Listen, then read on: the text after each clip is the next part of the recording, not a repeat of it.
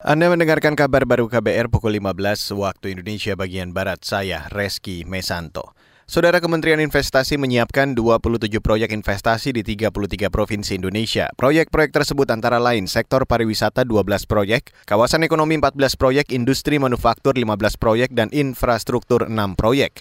Total nilai investasi indikatif sebesar 155 triliun rupiah. Menteri Investasi sekaligus Kepala Badan Koordinasi Penanaman Modal atau BKPM Bahlil Lahadalia mengatakan, 27 proyek yang disiapkan itu untuk mempermudah investor melihat potensi investasi yang ada di Indonesia dan mempermudah melakukan promosi. Men untuk bagaimana kemudian mempermudah para investor dalam meyakinkan mereka untuk bisa melakukan investasi. Karena investasi kalau investor mau masuk itu kan minimal kita tahu berapa investasinya, berapa lama break even point-nya, kemudian siapa yang off takernya atau marketnya bagaimana, dan bagaimana proses perizinan dan lain-lainnya. Adapun peta sebaran proyek investasi meliputi wilayah Sumatera 11 proyek, Kalimantan 6 proyek, Sulawesi 9 proyek, Maluku dan Papua 9 proyek, Jawa 9 proyek, dan Bali serta Nusa Tenggara 3 proyek. Balil menyebut tahun ini Kementerian Investasi tetap fokus pada hilirisasi, tidak hanya pada komoditas tambang tapi juga di komoditas pangan. Ia mengatakan salah satu syarat Indonesia keluar dari negara berkembang menjadi negara maju adalah menjadi negara industri melalui hilirisasi.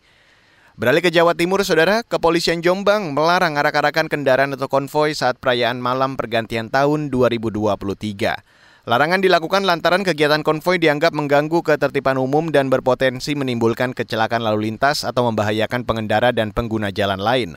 Kapolres Jombang, Moh Nur Hidayat, mengatakan tindakan tegas akan diberikan pada pelanggar dengan pemberian tilang manual. Selain itu ada juga sanksi tegas berupa penyitaan kendaraan. Ini dilakukan jika pelanggar didapati mengendarai sepeda motor yang tidak sesuai standar atau tidak memiliki kelengkapan surat-surat kendaraan. Uh, kalau mekanisme tilang kan kalau dia bisa menunjukkan surat tapi melanggar aturan ya nggak disita dikasih ya. surat tilang. Tapi kalau kendaraannya itu tanpa dilengkapi dokumen tentu akan kita sita hmm. sampai dokumennya ditunjukkan bahwa benar kendaraan itu adalah kendaraan yang legal. Hmm. Kurang lebih sama gitu. Nggak langsung semua langsung diangkut terus disita tidak kalau dia bisa menunjukkan misalnya surat tanda kendaraan baik itu STNK biasanya kan jadi tilang gitu pelanggarannya apakah tidak pakai helm atau tidak standar gitu.